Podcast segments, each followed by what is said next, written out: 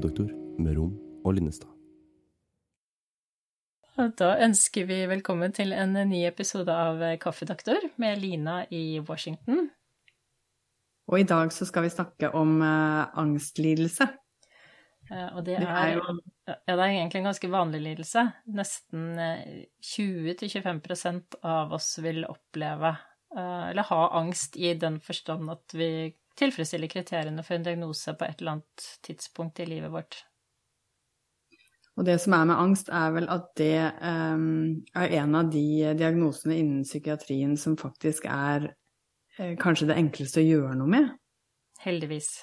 Det fins uh, eh, mye hjelp å få for angst. Og det kan man få hjelp til uh, om man ikke får tilgang til en psykolog eller psykiater, så kan fastlegen ofte være behjelpelig med de plagene. Det må vel være ganske mange som er innom ditt kontor, Lina, som uh, plages av angst? At det er ganske vanlig for deg å snakke om?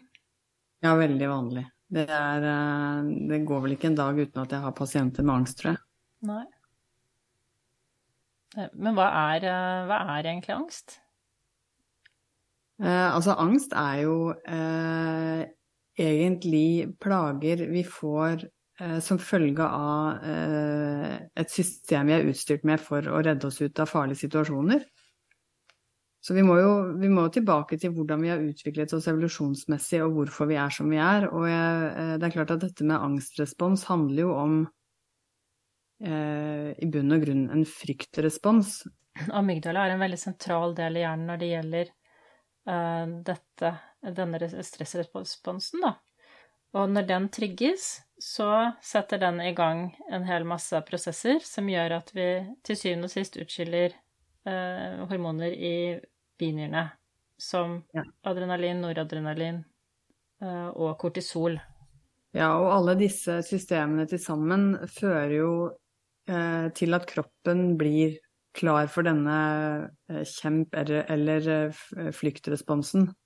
Eh, at vi eh, får raskere hjertefrekvens, vi får um, mer blod til de store muskelgruppene og til hjertet. Uh, um, luftveiene utvider seg.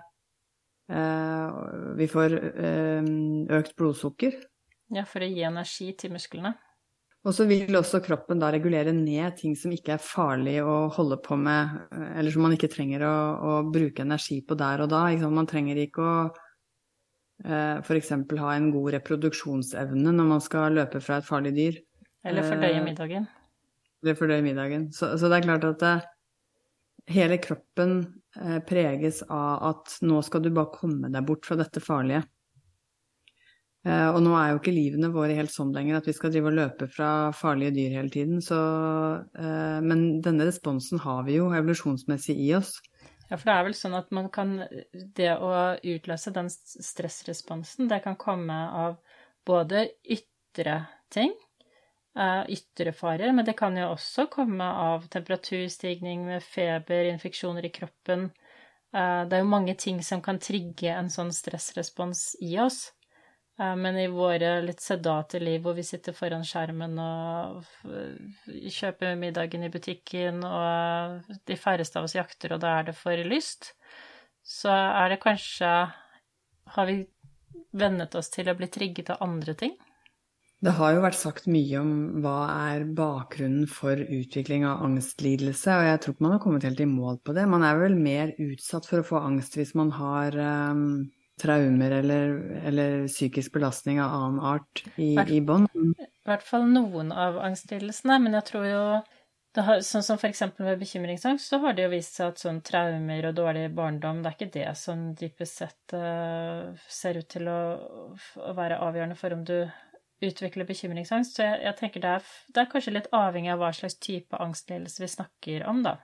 Man øh, mener vel også at det har mye med hva slags personlighetstype man er på en måte født med. Og det er vel nevrotiske personlighetstrekk. Eh, det er jo alltid Det kommer nesten alltid frem i sånne ting, eh, sånne undersøkelser for hva slags personlighetstrekk som, som kan føre til depresjon eller angst eller annen psykisk sykdom. Og det syns jeg ikke er noe overraskende. Det er nesten overraskende at man gidder å undersøke det, spør du meg. Men um, nevrotisisme er knytta til angst. Ja. Vi uh, kan jo komme litt nærmere inn på hvilke typer Altså det er jo som du sier undergrupperinger, men selve symptomene ved, ved angst er jo uh, ganske like, ikke sant, som handler om um, egentlig denne aktiveringen. Ikke sant? At man kan få økt svetting, man kan få økt hjertebank. Mange, i hvert fall i forbindelse med panikkanfall, så er det veldig mange som beskriver en opplevelse at de tror de skal dø, for det er så intenst. Du får den der nummenheten i fingrene, og du kan jo også få brystsmerter. Så mange pasienter med panikkanfall tror jo rett og slett at de har fått hjerteinfarkt. Ja. Så det er jo en ikke uvanlig diagnose å eh, sette i akuttmottaket på medisinsk avdeling. Ellers er også konsentrasjonsvansker og søvnløshet uh, veldig vanlig. Uh, det å ligge og rulle rundt i senga og føle seg urolig, ligge litt over madrassen. Ikke finne en indre ro, da. Uh, så jeg tror mange mennesker med angst, problematikk, går rundt og føler på en uro veldig mye av tiden, og det kan jo være kjempeplagsomt og også forhindre deg å være til stede her og nå. Og så kan jo angst eh, piske opp seg selv på et vis. For jeg tenker at når, når man først har fått denne responsen, eh, denne fysiologiske responsen i kroppen, så tolker jo også hjernen det som eh, nå er det farlig der ute. Og så begynner man jo ofte da å unngå situasjoner som man tenker kan være triggere for at angst skal oppstå, fordi man ønsker å unngå den ubehagelige situasjonen. Og det i seg selv gjør jo at du kommer inn i en kan komme inn i en dårlig sirkel hvor du isolerer deg mer, slutter å gjøre de tingene som egentlig er lystbetont for deg, slutter å legge planer, slutter å uh, ja, delta i livet, da, på lik linje med andre mennesker, fordi du har lagt bånd på deg for å unngå uh, å trigge angst. Ja, og det er vel da vi begynner å snakke om kriteriene for å kalle det sykdom, eller uh, at man på en måte tilfredsstiller diagnosekriteriene. For det er klart at det er vel ikke så mange mennesker som ikke kjenner på noe av denne bekymringen eller uroen noensinne. Da er det jo noe gærent i den andre enden. Ja, da tenker jeg at man må ha en eller annen diagnose. ja, så, så det er, å kjenne på angst og bekymring er jo en del av livet. Men vi har uh, forskjellige typer angst, da. Og da er det jo uh, fem sånne hovedkategorier som ofte nevnes. Og den første, og den som kanskje flest har uh, hørt om, er jo panikklidelse. Um, eller også kalt panikkangst, eller et angstanfall. Um, og det kommer jo litt sånn ut av det blå.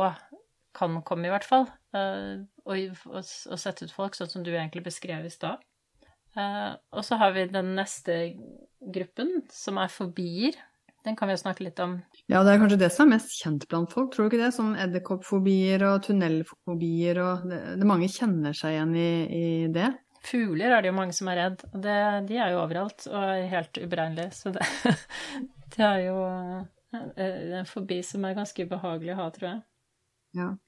Og de som plages av dette her, de innser jo at det logisk sett ikke er noe å være redd for. Jeg Altså folk kan være livredd sprøyter f.eks., selv om de kan, de kan tåle, tåle, hva det skal være, men akkurat det der stikket er forferdelig for dem.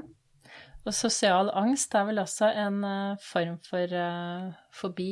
Da er de jo redd for å um, møte mennesker, uh, og innebærer jo ofte at man er veldig redd for hvordan man blir vurdert, og får en, sånn overdreven, et overdrevent fokus på hvordan du selv står, går, oppfører deg hvordan du høres ut. Eh, og som kan være veldig eh, hemmende i forhold til å skape seg gode relasjoner til andre mennesker. Ja, og det er klart at da kan det fort uh, bli selvforsterkende, fordi det å ha kontakt med andre mennesker er kanskje noe av det viktigste for å motarbeide angst. Mm. Så har vi det som heter posttraumatisk stresslidelse. Og det er jo en type lidelse som oppstår etter at du har vært utsatt for en eh, sånn voldsom reaksjon som har skremt deg, eh, eller vært ekstremt smertefull. Og det kan jo være at man har vært i en krigssone, man har vært utsatt for voldtekt, eh, misbruk, alvorlige katastrofer av noe slag, da, og får flashbacks og opplever å være anspent, skvetten, økt sinne, kan ha fysiske smerter og søvnproblemer. Så det er jo en, en reaksjon som er veldig vanskelig å håndtere. Ikke bare for den som har vært utsatt for det, men også for de rundt. Det gjelder jo egentlig alle angstlidelsene. Det kan være ganske uh, uhåndterbart for de som er rundt deg. Det er så vanskelig å på en måte gjøre og si de riktige tingene. Den uh, fjerde gruppen vi kan nevne, er jo da tvangslidelser. Det å ha tvangstanker og tvangshandlinger, og det um, er vel sikkert en del som kan kjenne folk som er det. Nå er det jo blitt litt sånn moteord å si uh, Hvis man er, er, litt ordentlig, så har man OCD, uh, som er obsessive compulsive disorder. Du er litt OCD-aktig. Uh, det ja, OCD er kommet inn i litt sånn daglig slangtale, har jeg inntrykk av. Ja. Um, og det kan vel hende at mennesker med den uh, lidelsen uh, ikke syns at det er egentlig noen god sammenligning. Um, fordi det er, kan være utrolig vanskelig å forholde seg til det å ha en OCD-lidelse diagnose. Eh, hvis du ikke kan gå i butikken fordi du er redd for bakterier, du kan ikke ta varene dine inn i huset fordi du er redd for at du har med deg noe på melkekartongen, du skal skifte sokker, eh, støvsuge mange ganger i døgnet. Eh, Vaske deg til huden faller av hendene. Ja. Så det er jo en veldig tidkrevende uh, og um, vanskelig situasjon å stå i å ha den typen problematikk. Jeg har faktisk også hørt om eh, en hund med OCD. Tror du det er mulig? Den hunden Da må du spørre dyrlegen Jeg er jo psykiater, og syns jeg du drar den langt. For den hunden faktisk må rydde lekene sine innenfor et teppe hver kveld før den skal sove. Så den tar alle lekene sine og legger innenfor eh, kanten. Kan man ikke si at det er en veldig godt oppdratt hund? Det kan man sikkert. det høres ut som en drømmehund. Ja. Og det er vel egentlig litt tilbake til det vi snakket om i sted, at eh, det er jo grenser for ting. Det er jo ikke eh, Jeg syns f.eks. det er eh, greit å åpne offentlige toalettdører med papir etter at jeg vasket meg. Det er vel ikke OCD av den grunn? Nja Nei da. Det blir feil å si noe om det. Nei, jeg skjønner det. Og vi lærte jo også at vi skulle gjøre sånne ting under korona, så jeg tenker at det er helt um, innafor. Normalspekteret er som vanlig veldig bredt, uh, og det er verdt å ta med seg. Og så er det den siste, um, siste kategorien, som er bekymringsangst, og den syns jeg egentlig er uh, interessant, fordi jeg mistenker at veldig mange mennesker som går rundt og bekymrer seg og har angst, og kanskje også har panikkangst innimellom, ikke helt er klar over at de har en bekymringsangst. Eh, fordi det som kjennetegner en bekymringsangst, er jo Man sier sånn den er en frittflytende angst. Jeg syns det er litt uh, merkelig begrep. Men at det er en type angst hvor du ofte hopper Du hopper jo bare fra tema til tema. Du kan være sånn bekymret for eh, at barnet ditt skal bli påkjørt i trafikken. Altså når du har fått på hjelm og alt utstyret og faktisk kommet uh, helskinnet fra A til B, så snur du deg og kikker på økonomien din i banken, og så er du kjempebekymret for at du skal gå konkurs eller ikke har råd til uh, regninger, selv om du egentlig ikke har en historie som skulle tilsi at dette ble noe problem. Um, eller du har bekymringer for hvordan jobben din skal bli eh, fremover i uka, ingen evne til å dele opp arbeidsoppgavene og se én ting av gangen. Eh, den der å på en måte bare ha en radar for bekymrings... Eh, for ulike fokus, da. Og det tror jeg mange mennesker kan kanskje tenke at de har en helseangst, men hvis de tenker seg grundig om, så vet de at sånn idet du får sjekket ut det hos legen, så har du bare et annet angstproblem isteden. Og det er mange som beskriver at uh, bekymring og uro er som en slags sånn bøtte der innholdet er konstant. Så hvis du fjerner noe, så fyller det seg bare på med noe annet. Det høres ut som en bekymringsangstbøtte. Ja, det er nettopp det. Og det, det, det, tror jeg det er mange som kjenner seg igjen i. At når man er, har kunnet legge noe til side, så bare fyller det seg på med noe annet. Uh, da har man jo også sett på hva som kjennetegner personer i den kategorien, og de bruker jo ofte enormt mye tid på å legge mange og detaljerte planer for å være helt sikker på at man ikke skal uh, bli overrasket. Og de unngår ting som kan utløse uh, angst. Eh, og ofte så har de kan ha sånne lange indre dialoger med hvis det skjer, så kommer det til å skje, og hvis det skjer, så kommer det også til å skje. Og så kan det jo ende liksom helt uti Du begynte å bekymre deg for at uh, sønnen ikke skulle rekke skolen, og endte med hvordan begravelsen skulle være i den andre enden. Så lange tankerekker hvor det ene tar det andre. Uh, og bruker enormt mye energi på dette, og det kan være vanskelig å Eh, være igjen å være til stede da, her og nå. Så istedenfor å ha det hyggelig med den sønnen, så ender man opp med en eh, lang, lang, lang bekymringstankerekke i håp om at man skal være forberedt på det man ikke kan forberede seg på. Men når man snakker om generalisert eh, angstlidelse, så er det en, egentlig det samme som bekymringsangst, ikke sant? Ja, GAD sier man jo, sånn på ja. fagspråket. Det er vel egentlig synonyme, det betegner det mm. samme for angst. Ja. Ja, og da har vi, vi har en gruppe til, har vi ikke det? Nei, da tror jeg vi har gått gjennom de fem hovedtypene. Panikklidelse, fobier, PTSD, tvangslidelser og bekymringsangst. Som er de fem hovedkategoriene, da, hvis man skal tenke rent diagnostisk. Det er mye vi kan engste oss for. Ja, absolutt. I hvert fall nå for tiden, så er det jo nesten Du kan jo nesten ikke snu deg uten å engste deg. Nei. Når man ser på trontalen, for eksempel.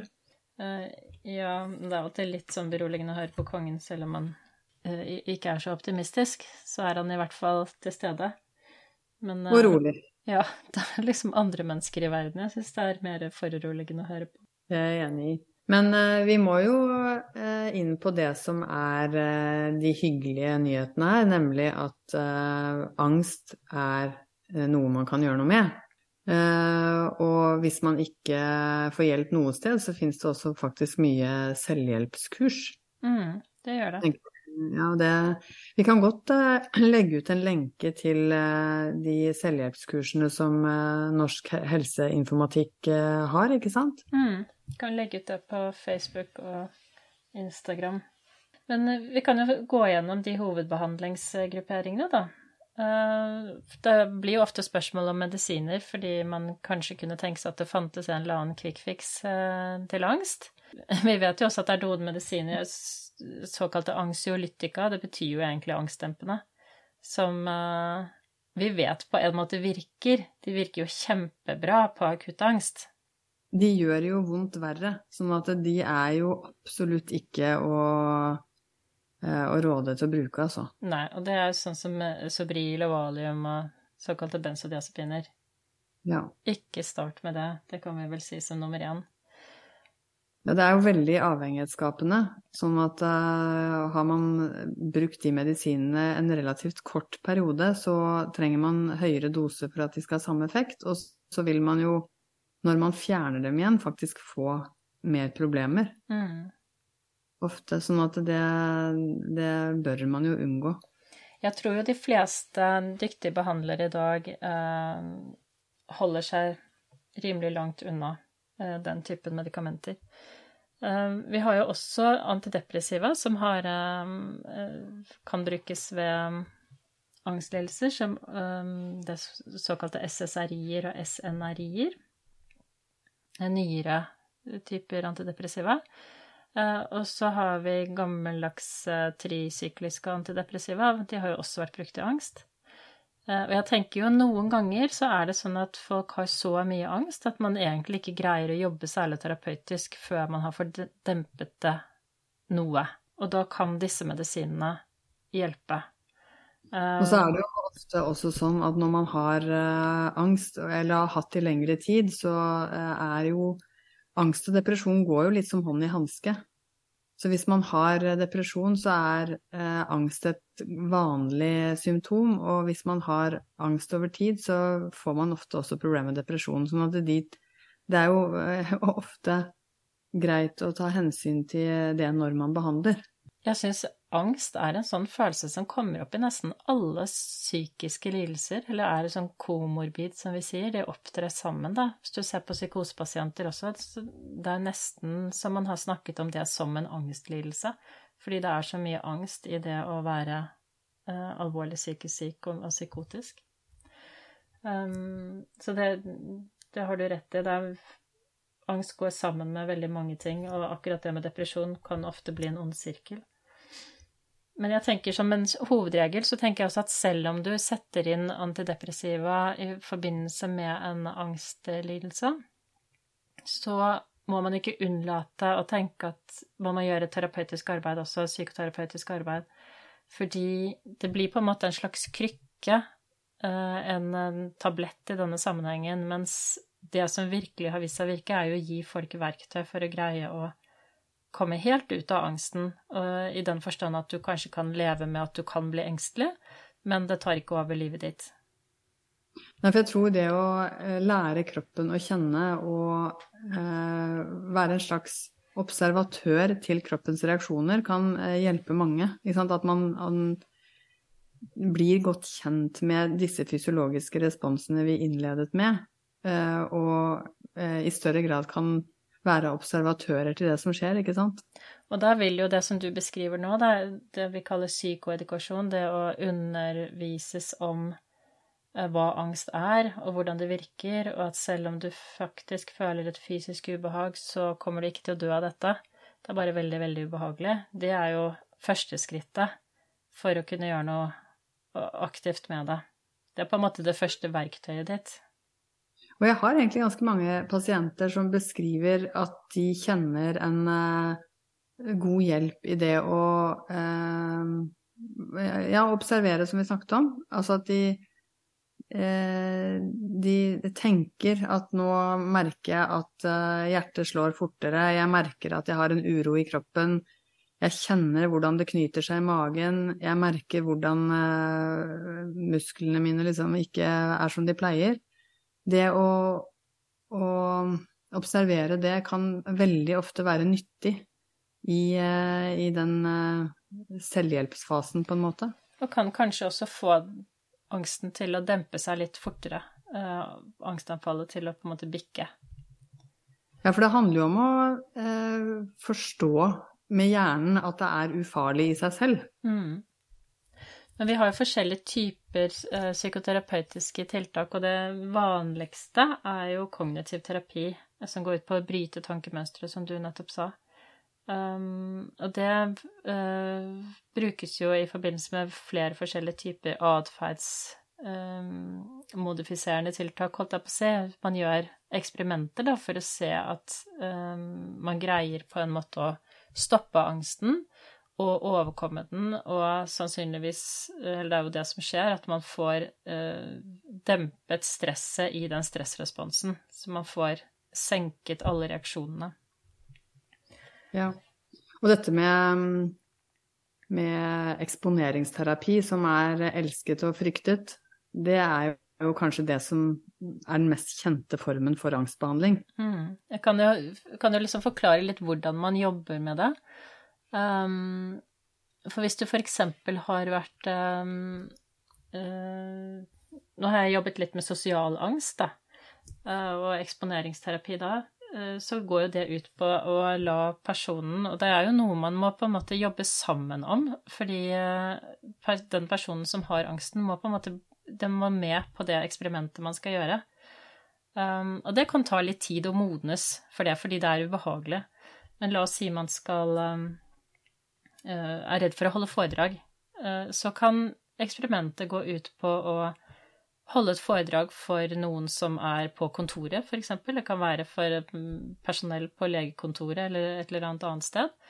Eh, og da ber man pasienten om å selvfølgelig lage det foredraget, men også å vurdere hvor redd vedkommende kommer til å bli, hva som kommer til å bli de fysiologiske reaksjonene. Ofte har jo folk en sånn katastrofetanker om at jeg kommer til å bli knallrød i ansiktet, jeg kommer til å svette, det kommer til å synes utenpå tøyet, stemmen min kommer til å skjelve og sprekke, um, jeg kommer til å være helt svett i håret.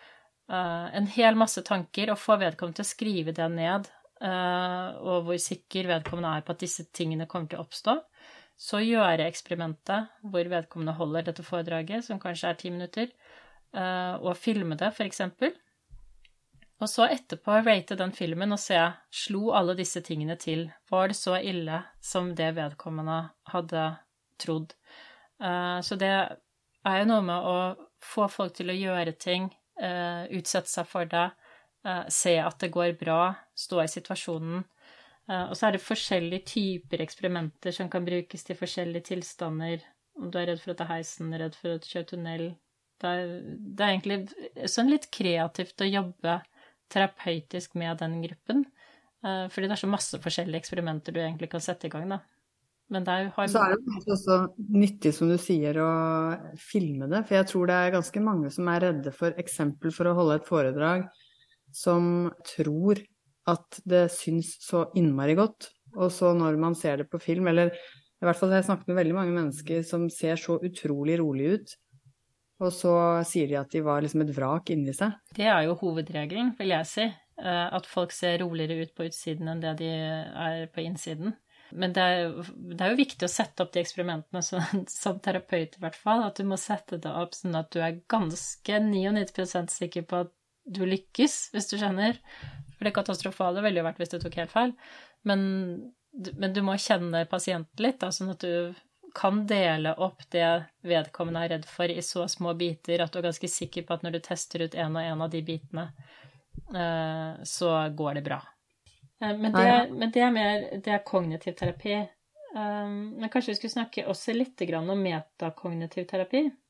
Men før vi går bort fra den kognitive terapien og eksponeringsterapien, så tenker jeg det har vært litt spennende å si noe om det der berømte firedagerskurset, for det høres så veldig quick fix ut. Og det er ganske mange pasienter som har hørt om firedagerskurs mot angst. Ja.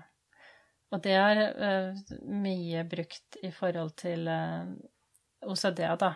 Uh, tvangslidelse.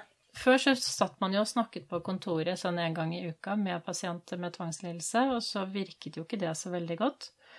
og så har man isteden prøvd å Det er en gruppe i Bergen som fant ut dette her. Prøvde å, å trykke denne behandlingen sammen til fire intensive dager, hvor du utsettes for La oss si du er redd for eh, bakterier, da.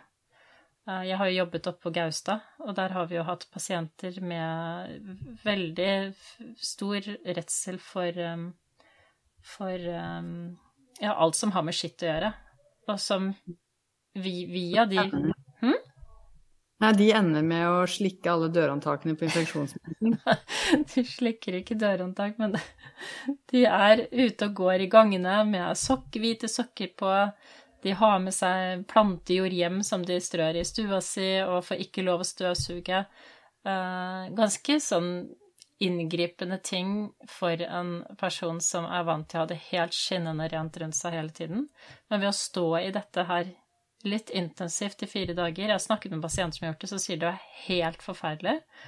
Eh, men til gjengjeld så har det virket helt fantastisk. Så det har vært kjempegøy. Veldig, veldig morsom behandling som jeg tenker eh, det må være veldig gøy å være terapeut eh, for. For det er jo kjempegøy når du ser at ting virker. Når vi er inne på dette med eksponering, så tenker jeg også at vi bør nevne Eh, forsvaret har jo vært litt som foregangsfigurer i Norge for eh, dette vi kaller prolonged exposure, som er eh, form for eksponeringsterapi som tar det takk videre. som er utviklet av en, en dame som heter Edna Foa. Hvordan man uttaler det, vet jeg ikke helt. men hun er professor i USA den terapiformen, sånn som jeg har forstått det, går jo ut på at man egentlig drar det lenger, dette med eksponeringen. At eh, en terapeut hele tiden er med. Det er ikke sånn at de får hjemmelekser og eh, får beskjed om å utsette seg for ditten og datten, men de har med seg behandleren til de eh, områdene uh, som, som, de er mest engstelige for. Men dette er nok sikkert litt det samme som den OCD-behandlingen, for de har også med seg behandleren. Ja, nettopp. Ja. Prinsippet her er at de skal få skikkelig angstanfall i situasjonen sammen med sin behandler. Eh, ikke at behandleren også får angstanfall. leve, leve seg inn i behandlingen, ja. Men at de er med dem der, sånn at det er trygges. Og så mm, opplever de Istedenfor å da gå ut av situasjonen som gir dem angst, så blir de i den situasjonen som trigger, helt til de får angst og angstanfallet går over igjen. Mm. At de på en måte får en læring i at eh, de fortsatt er i, i, situasjonen etter at angstanfallet har gått over. Og det har de veldig gode resultater på. Det, det, men det er vel særlig, eh, særlig for PTSD at det brukes. Ja, for, Altså, for PTSD så er det jo flere ulike typer eh, behandlinger som eh, blir litt for innfløkt å komme inn på her. Men det er et veldig spennende prosjekt. Og veldig morsomt at det er utviklet av eh, Forsvaret. ja, eller det er jo ikke utviklet av Forsvaret, men det er tatt videre på en måte fra USA. Og jeg, så i Norge så er, er det nok Forsvaret som var først ute med den eh, behandlingsformen. Mm. Men jeg tror de har eh, et samarbeid, i hvert fall nå med Nordlandssykehuset. Eh, Jeg vet ikke hvordan det er ellers i psykiatrien i Norge, men Jeg, jeg kan ikke huske at jeg har hørt om det sånn eh, som en del av den alminnelige behandlingen. Men som sagt, det er flere av disse metodene som overlapper litt. Så hva som er hentet fra hva, eh, og hvem som bruker hva, skal ikke jeg eh, si for sikkert. Nei, og det blir jo også litt sånn, kanskje ikke flisespikkeri, men dette her handler jo om de samme prinsippene. Det handler jo Ja. om at man skal lære kroppen til å forstå at eh, situasjonen egentlig ikke er farlig, og at man skal forstå responsen som skjer, og håndtere den på en annen måte. Så desensitiseres litt. Du skal Ja. slutte å være så uh, trigger-happy på uh, alle mulige stress, stressorder du har rundt deg, da. Ja. Uh, til sist av de terapiformene så kunne jeg tenke meg å nevne metakognitiv terapi, for det er en litt nyere terapiform enn kognitiv terapi, men bygger jo på veldig mye av tenkningen fra kognitiv terapi. Men det går jo mye på å ta kontroll over bekymringer, og det er det som har vist seg å virke best på bekymringsangst. Og der er det jo en gruppe i Trondheim med Hans Nordahl og eh, Edvard eh, Ottesen Kenner som har vært veldig langt fremme og publisert på dette her, hvor de har undersøkt kognitiv terapi versus metakognitiv terapi, som går mer på det å tenke på tankene dine. Så du er liksom et hakk over. Um, eh, det må bare jobbe med atferd, men hvordan eh, skal du ta kontroll over bekymringene dine? Eh, hvordan kan du utsette å bekymre deg? Hvordan kan du stoppe en bekymringsprosess når den først går i gang? Og de har kjempegode resultater. Og det har begynt å bre om seg litt nå. Og Ingvar Wilhelmsen er jo også en sterk talsperson for den typen terapi. Vi har jo nevnt han tidligere. Kan jo anbefale igjen 'Sjef i eget liv' og 'Kongen befaler' og bøkene til, til Ingvar Wilhelmsen, som jeg, jeg tenker er sånn fine håndbøker, lette å lese for folk flest. Eh, og så har jeg egentlig lyst til å nevne det som i hvert fall jeg som fastlege kanskje bruker aller mest, eller eh, råder aller mest til, og det er eh, faktisk det med fysisk aktivitet. Det er jo fryktelig vanskelig å råde folk til ting man ikke klarer å være så god på selv alltid, men, Du Kan men ikke slutta å være optimist. Nei. Men eh, det er eh, mange studier som eh, viser veldig gode resultater på eh, fysisk aktivitet og angstplager. Eh, Det var vel i fjor det kom ut et studie fra Sverige eh, av en eh, Maria Aaberg, der man viste veldig tydelig at både moderat og intensiv trening reduserer angst betraktelig. Jeg tror hvis man klarer, la oss si en halvtime tre ganger i uka, så er det veldig, veldig mye bedre enn ingenting. Og det er jo ikke snakk om at du må på et treningsstudio og svette og pese. Jeg tenker å gå en rask tur eh, er veldig mye bedre enn ikke noe, det også. Ja, for det handler om å få opp pulsen. Ja. Eh, man har sett at mer intensiv trening har bedre effekt på angstsymptomer enn eh, lettere aktiviteter, men, men eh, jeg tenker alle monner drar. Sånn at det er vel noe med eh, å bare komme seg opp og ut kan hjelpe ganske mye. Ja. Det syns jeg var en eh, fin eh, ting å avslutte med, det er også overkommelig for alle som eh, må stå i kø for å komme frem til noe som helst innenfor psykisk helsevern for tiden. Ja, og i påvente av time så kan man jo også gå inn på sidene til Norsk helseinformatikk som vi vedlegger lenke til. Ja. Da sier vi som vi pleier, da. Livet er ikke det verste vi har. Og om bitte litt er pulverkaffen klar.